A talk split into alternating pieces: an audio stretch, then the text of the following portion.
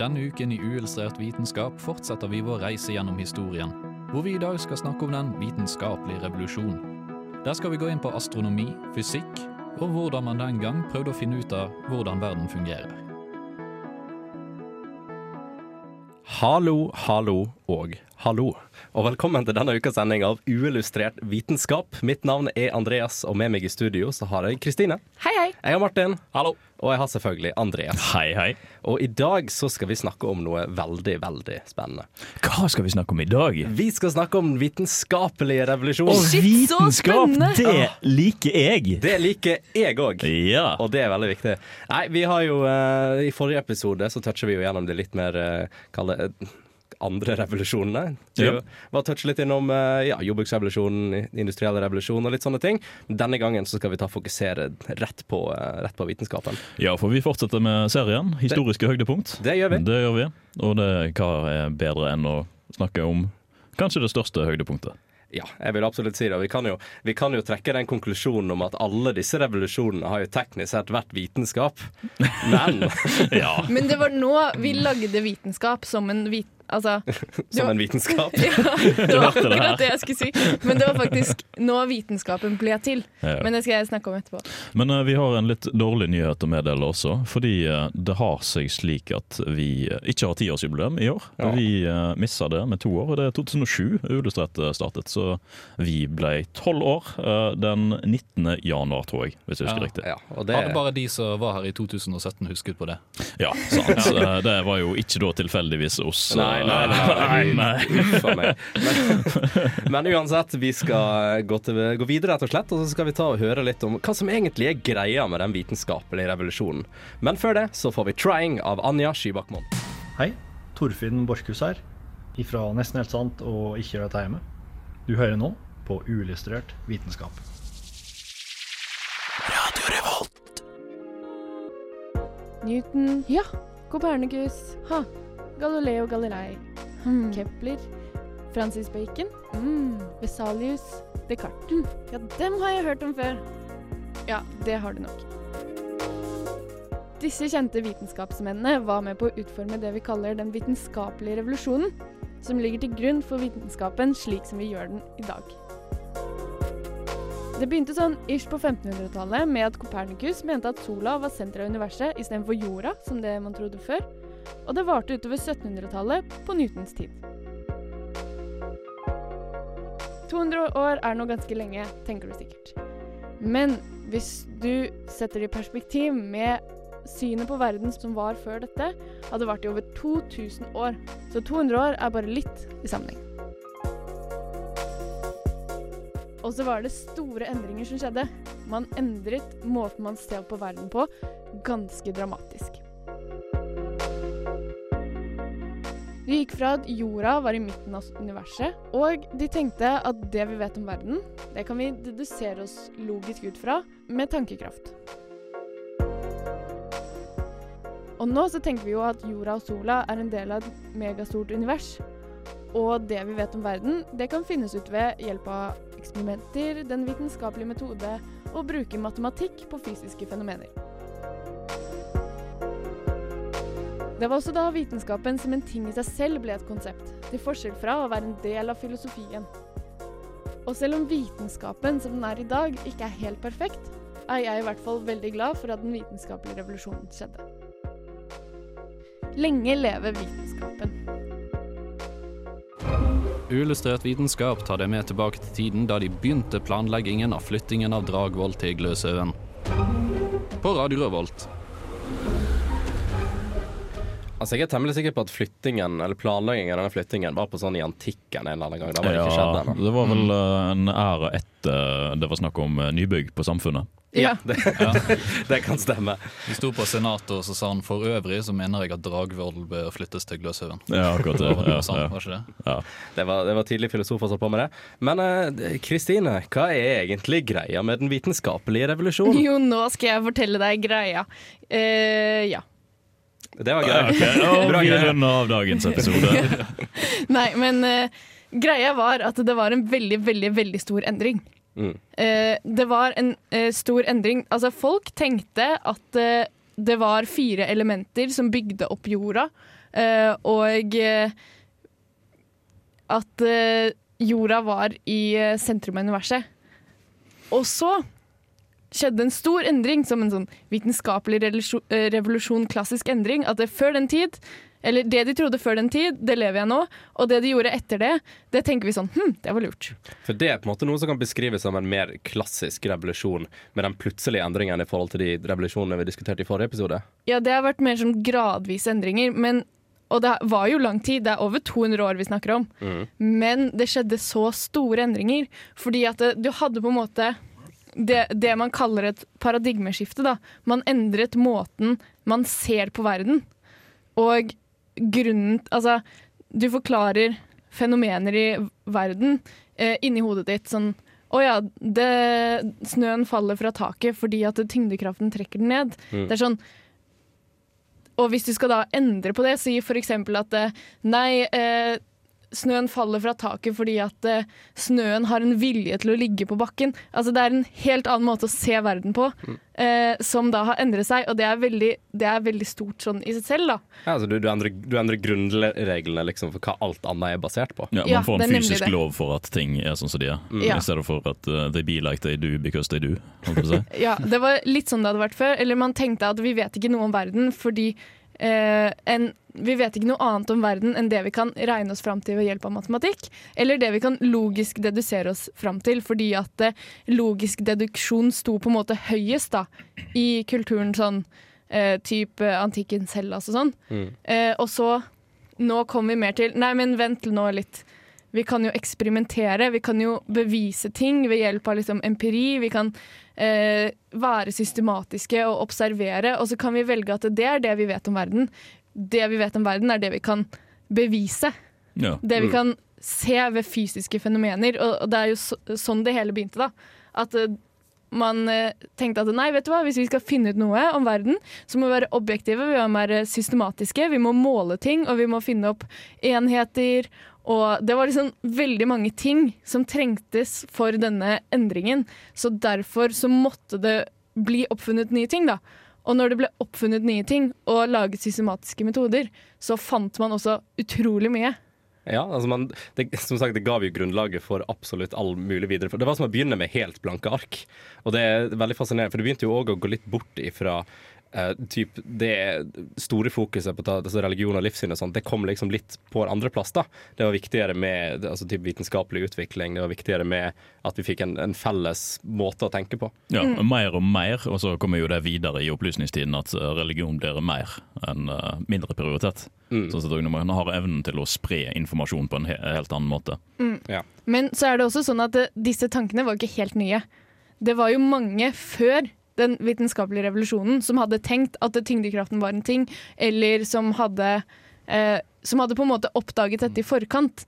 Men jeg vet ikke, samfunnet var ikke klar for den endringen ennå. Det er liksom sånn at Når du skal endre et syn på verden, eh, så er det liksom du har et syn som du tenker dette stemmer, dette stemmer ganske bra, og så lager det seg, hoper det seg opp veldig mange ting som ikke stemmer, som man er sånn hm, dette var rart, dette stemmer ikke med sånn jeg tror verden er, eller sånn vi har definert ting. Eh, og når det samler seg, det er ikke før det samler seg opp ganske mange sånne avvikende ting, at man tenker sånn, vet du hva, vi er nødt til å, vi er nødt til å bare scratch this, vi må endre alt. Eh, og det er på en måte det, by, det tar litt lang tid da, å bygge seg opp en sånn derre Dette her stemmer faktisk ikke. Eh, så det var veldig mange som Jeg har ikke noe navn å nevne, for det har jeg ikke det, Sånt husker jeg ikke.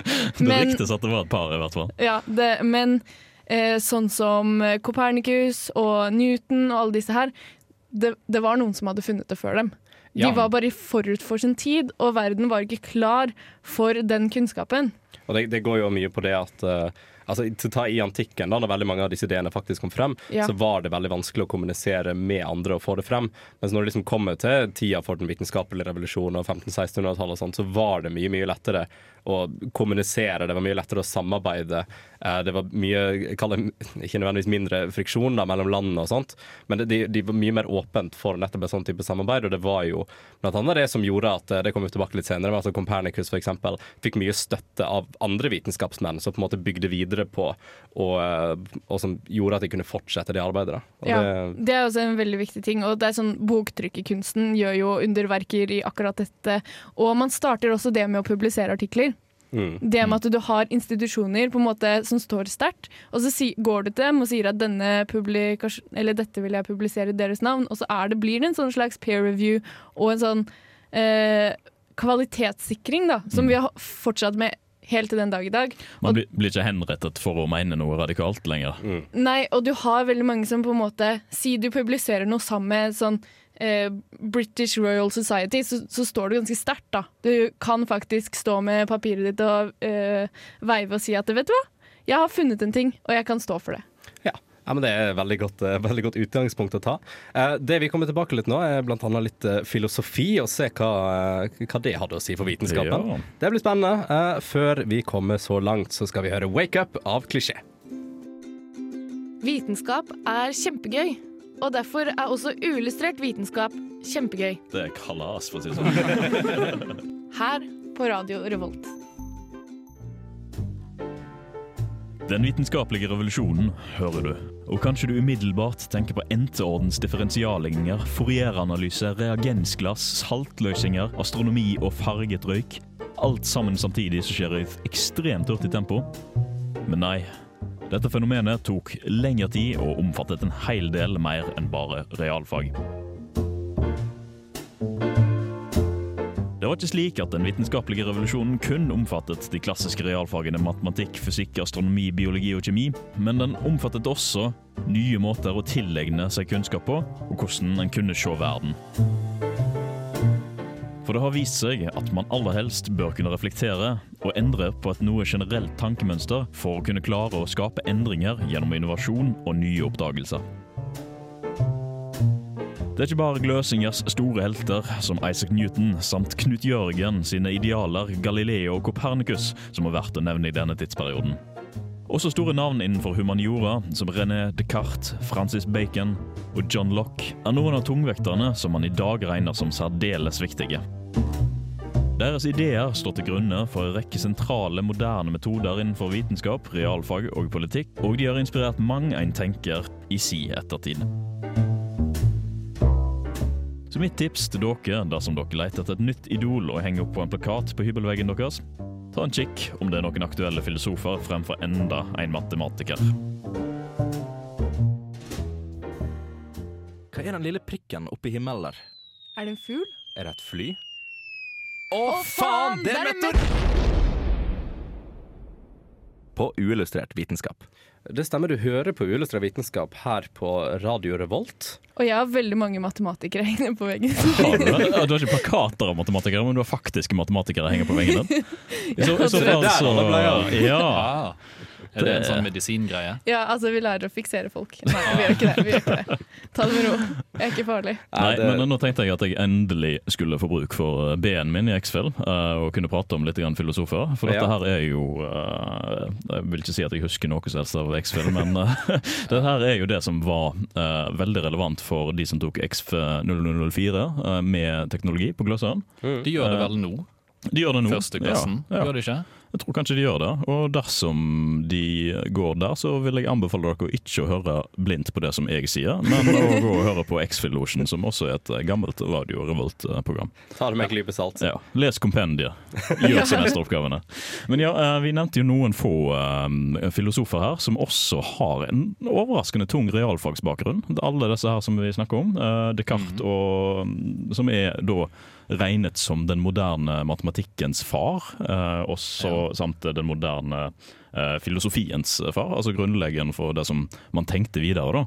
Eh, det var mer fokus inn på sine egne tanker, altså at man hadde individuelle tanker som menneske, og derfor kunne man gjøre litt individuelle aktiviteter, i motsetning til litt sånn tidligere politiske ting, da, som eh, politiske pregede fil filosofer, der man da var eh, underlagt stat osv. Mm. Bare for å, Nå skal jeg komme med dumme spørsmål med, med base på min D i X-Fill. Ja. Eh, for at jeg mener, jeg husker at Descartes gikk vel ganske bort fra de der sentrale tingene som Plat Platon og Aristoteles Han bygde i hvert fall videre på det, for det var veldig fokus på dette her med typ sjel og veldig fokus på et eller annet med ild og et eller annet med huleteori.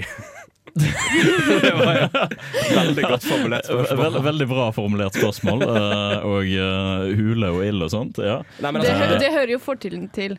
Hule og ild. ja men Det- ja. eh, Descartes er inspirert av Platon og Aristoteles, og disse her, men hvorvidt det er positivt eller kritisk inspirert, det er jeg litt usikker på akkurat her og nå. Men uansett, det han ga grunnlag til, var jo videre tenkere, eh, som Francis Bacon, som er da empiriens far, og uh, danner basisen for den vitenskapelige metoden, altså noe som vi faktisk bruker den dag i dag når vi skal gjennomføre forsøk og eh, forske på ting, der man da har en eh, Man ser noe, og så danner man seg hypoteser om dette her, og teste det.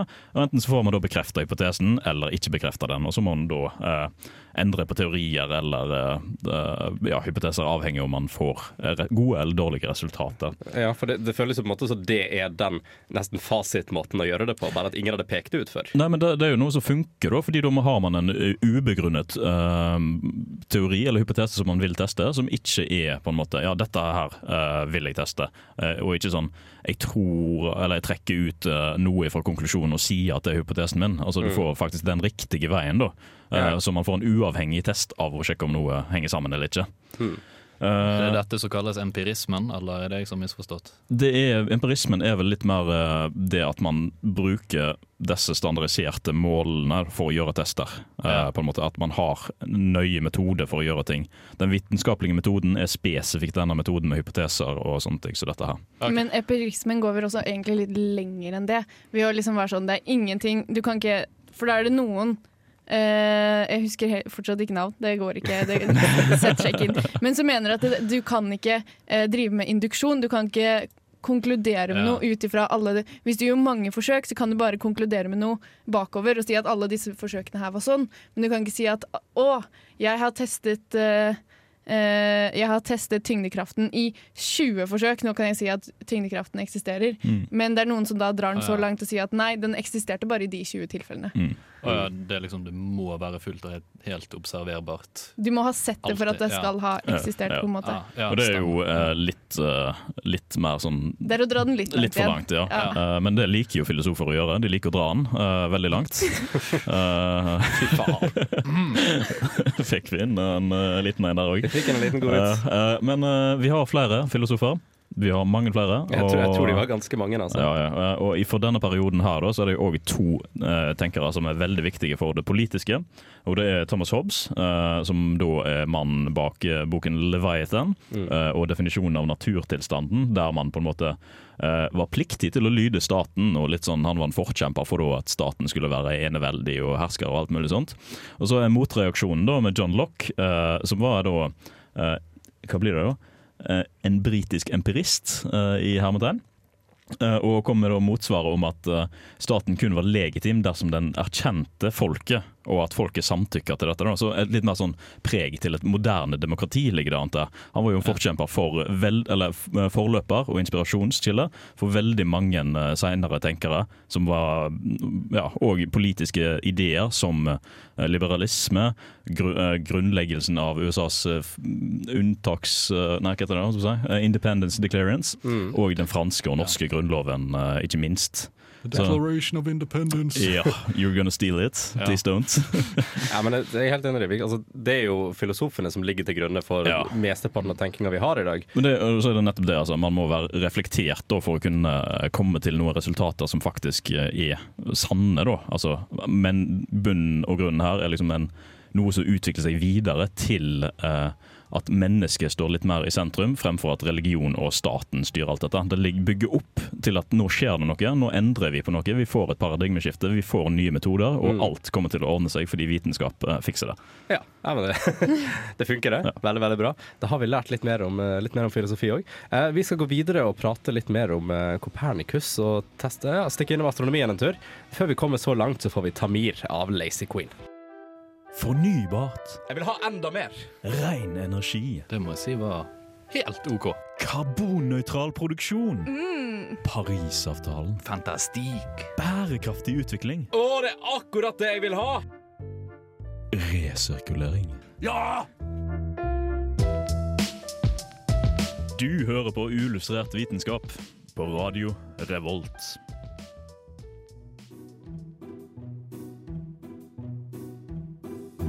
Mennesket har alltid vært nysgjerrig.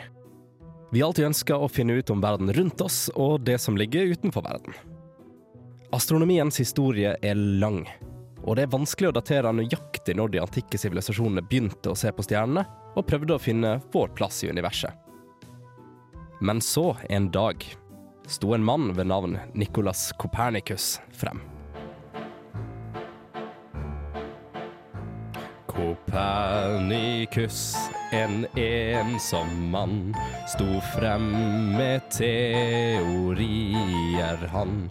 For polsk det var hans folkemunn, og polakken visste at jorden var rund.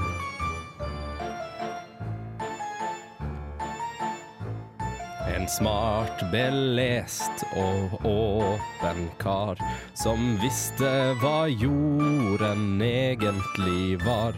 Fra øst og vest og pol til pol bevegde vi oss rundt vår sol.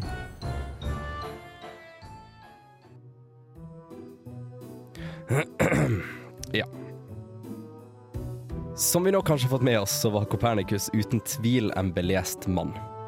Og det menes at han kunne mestre de fleste felt innenfor vitenskapen, alt fra matematikk til medisin. Men mye av arbeidet hans var selvfølgelig basert på mange andre forskere sitt arbeid, og det kommer flere viktige mennesker etter han òg. Galileo Galilei og Tycho Brahe er eksempler på dette.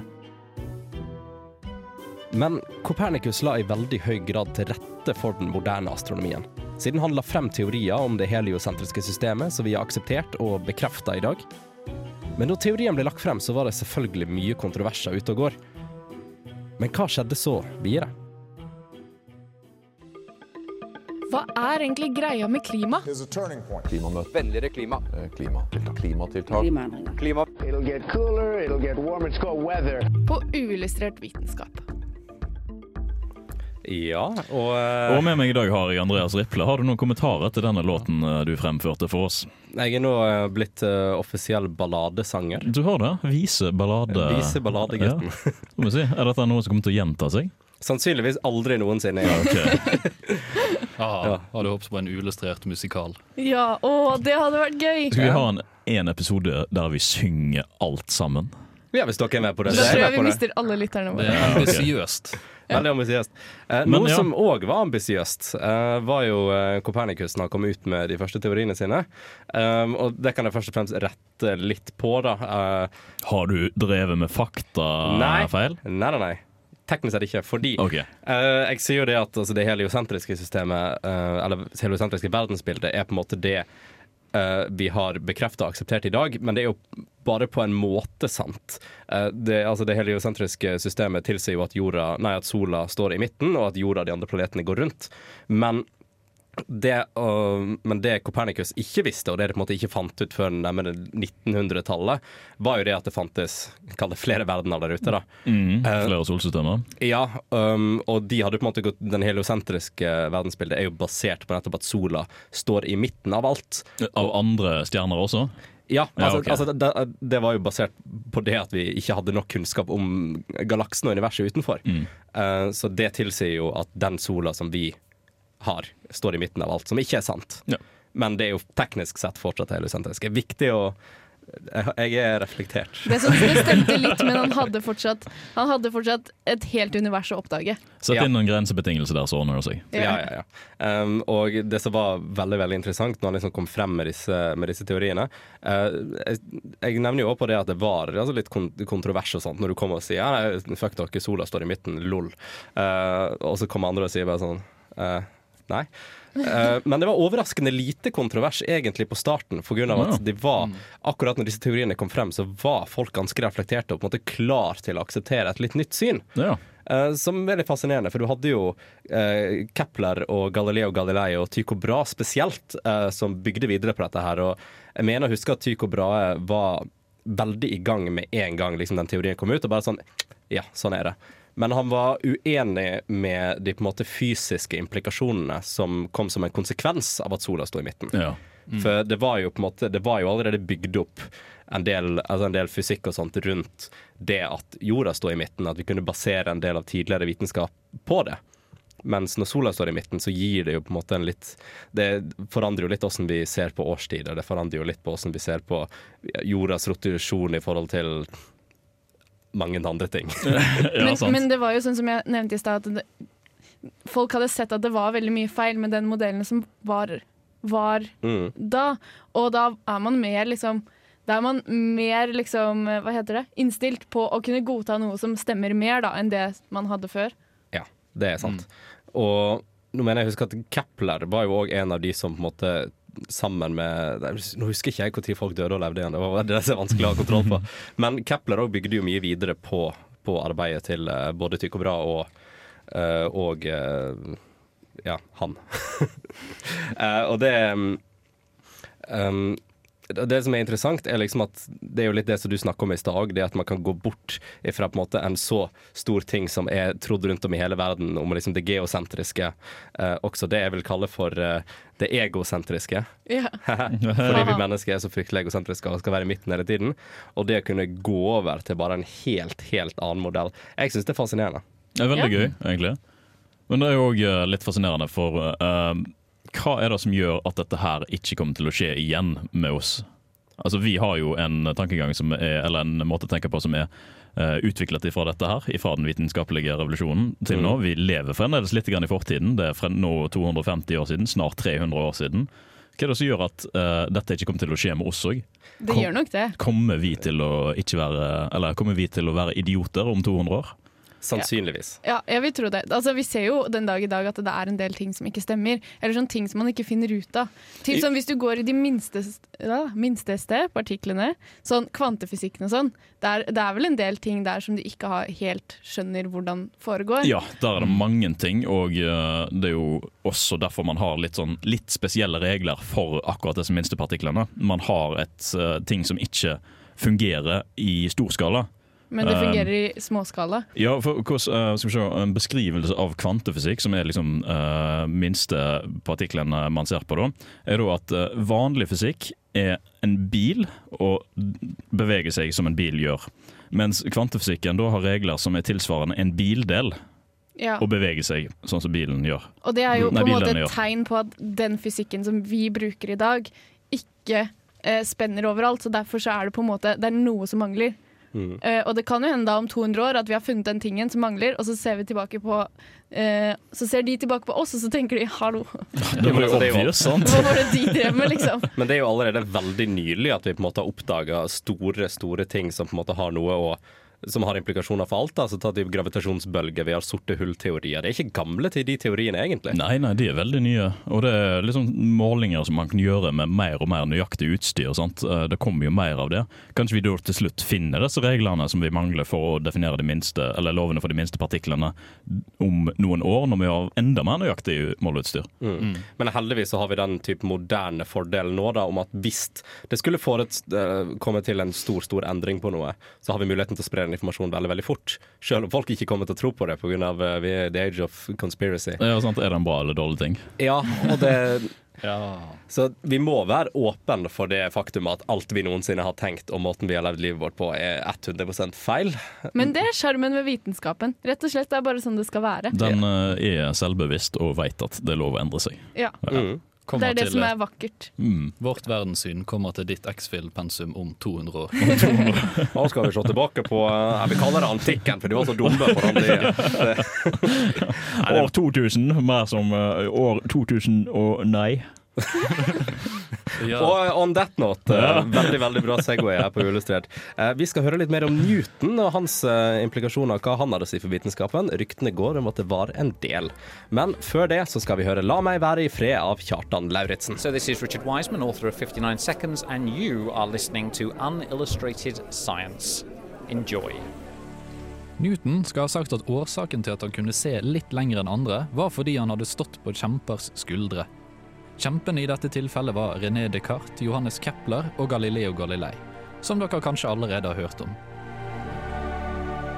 Newton ble tidlig påvirket av bl.a. Descartes sitt mekanistiske verdensbilde, og så universet som en samling partikler i konstant bevegelse. Kepler hadde definert matematiske lover om bevegelsen til planeter, og Galileo hadde definert matematiske lover som beskrev bevegelsen av objekter på jorden. Men selv med kjennskap til luftmotstand, friksjon og andre begrensninger av bevegelser, var fortsatt mange av datidens spørsmål i fysikken ubesvart. En av Newtons store oppdagelser påstås å ha kommet en kveld da han satt under et tre i måneskinnet. Han så et eple falle samtidig som han så opp mot månen, og skjønte at her må det være en sammenheng. Om historien er helt sann eller ikke, er vanskelig å vite, men det vi vet er at han innså at Keplers definisjoner av planeters bevegelse og Galileos definisjoner av objekters bevegelse på jorden var to sider av samme sak. At det som trakk eplet mot jorden, også hindret månen fra å fly ut i verdensrommet. Altså en slags universell kraft som trakk objekter mot hverandre. Denne kraften ble passende nok kalt universell gravitasjon. Som Newton ikke visste hva var for noe, og ikke latet han som om han visste det heller. Men de fysiske lovene han beskrev, ville fortsette å bli bekreftet av oppdagelser i fysikk de neste 200 årene.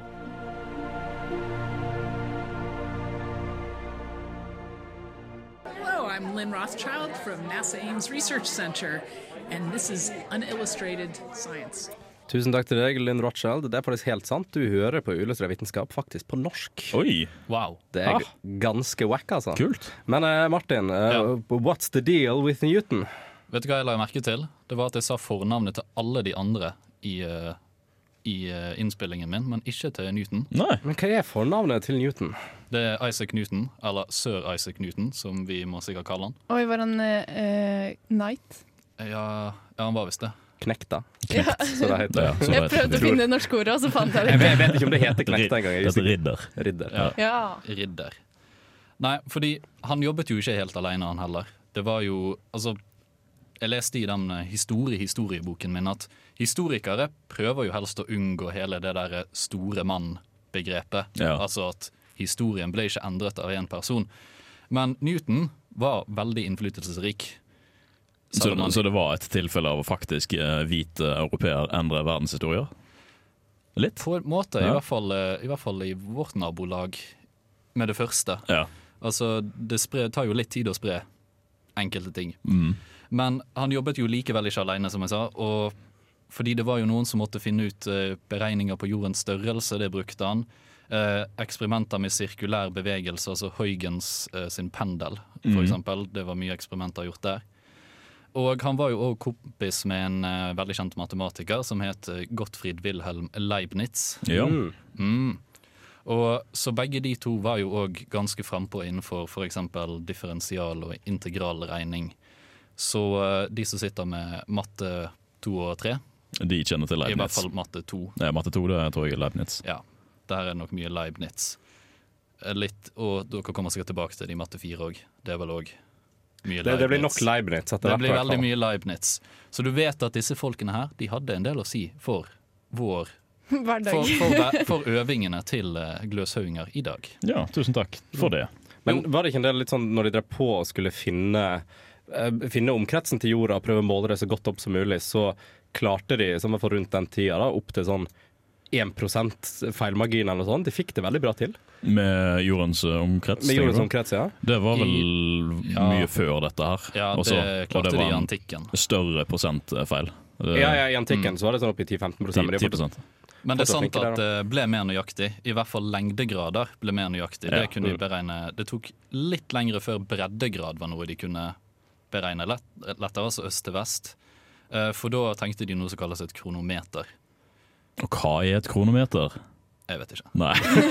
Jeg gikk ikke inn på akkurat det. The Men, hype.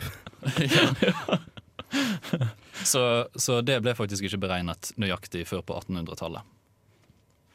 Men tilbake til Newton. Etter Newton så hadde vi jo da en ny forståelse av fysikk og hvordan ting fungerer. Eh, sammen med nye utviklinger innen f.eks.